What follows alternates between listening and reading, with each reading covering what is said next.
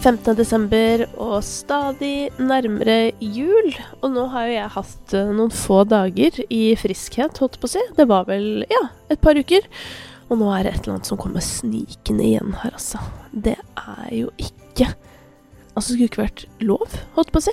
Eh, og jeg eh, rakk heller ikke å ta influensavaksina, som jeg jo Jeg tar alltid den, for jeg er i den såkalte risikogruppa.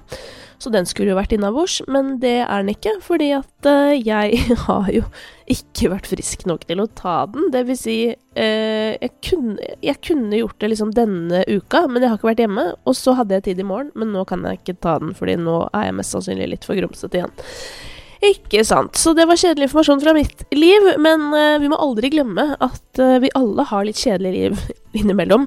Og selv om vi noen ganger drømmer oss bort i andres spennende liv, som jeg tenker også er viktig at vi gjør, så må vi aldri glemme at de også har kjedelige innholdselementer i livet sitt. Og samtidig, når livet ditt er så jævlig spennende hele tiden, ja, er det egentlig spennende da lenger? Det er jo spørsmålet, fordi da er det jo på en måte ikke så mye ups and downs. Det er jo nettopp det å ha det flatt og kjedelig til tider som kan gjøre at livet plutselig blir jævlig gøy når det skjer et eller annet uh, spennende. Det er i hvert fall min erfaring. Nok livsvisdom! La oss hoppe inn i luke nummer 15. Det er fredag 15. desember, og uh, vi skal nå til en artist som uh, kun har 7948 følgere på Spotify. Artisten har bare 73 000 månedlige lyttere, som ikke er så veldig mye, men jeg er definitivt en av disse.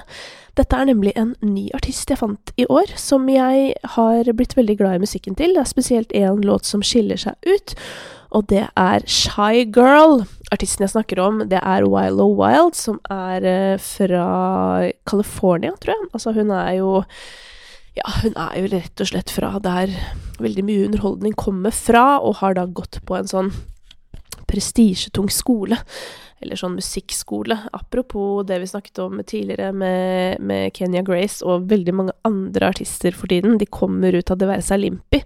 Eller Icon Collective Music School in LA, ikke sant? Som er da en skole som er der borte, da. Um, denne artisten da, som jeg har blitt glad i, Wild O Wild, er jo heller ikke helt ulik de vi har vært inne på tidligere, altså Pink Pantress og Um, og Kenya Grace, holdt på å si. Uh, denne artisten har jo selv uttalt at hun nettopp er veldig inspirert av Pink Pantress, og har funnet uh, et publikum inne på TikTok som uh, har hjulpet henne opp og frem, men likevel ikke sånn helt tatt av, da, åpenbart gitt streamingtallene. Den låta som jeg liker så utrolig godt, som heter da Shy Girl, den er f.eks. streama 412 000 ganger. Og det er jo ikke sånn kjempemye til å være en internasjonal artist, men samtidig så må vi heller ikke glemme at dette er en artist som på en måte er helt sånn Det er liksom soveromsartist-vibes, på en måte. Soundcloud-artist, holdt på å si.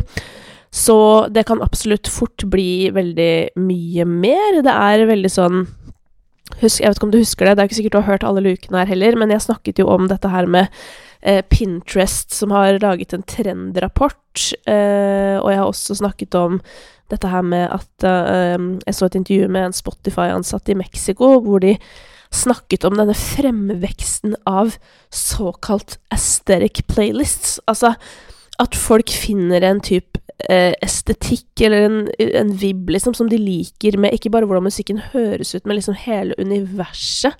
Og så lager de seg da spillelister ut ifra det, fra liksom mange forskjellige artister.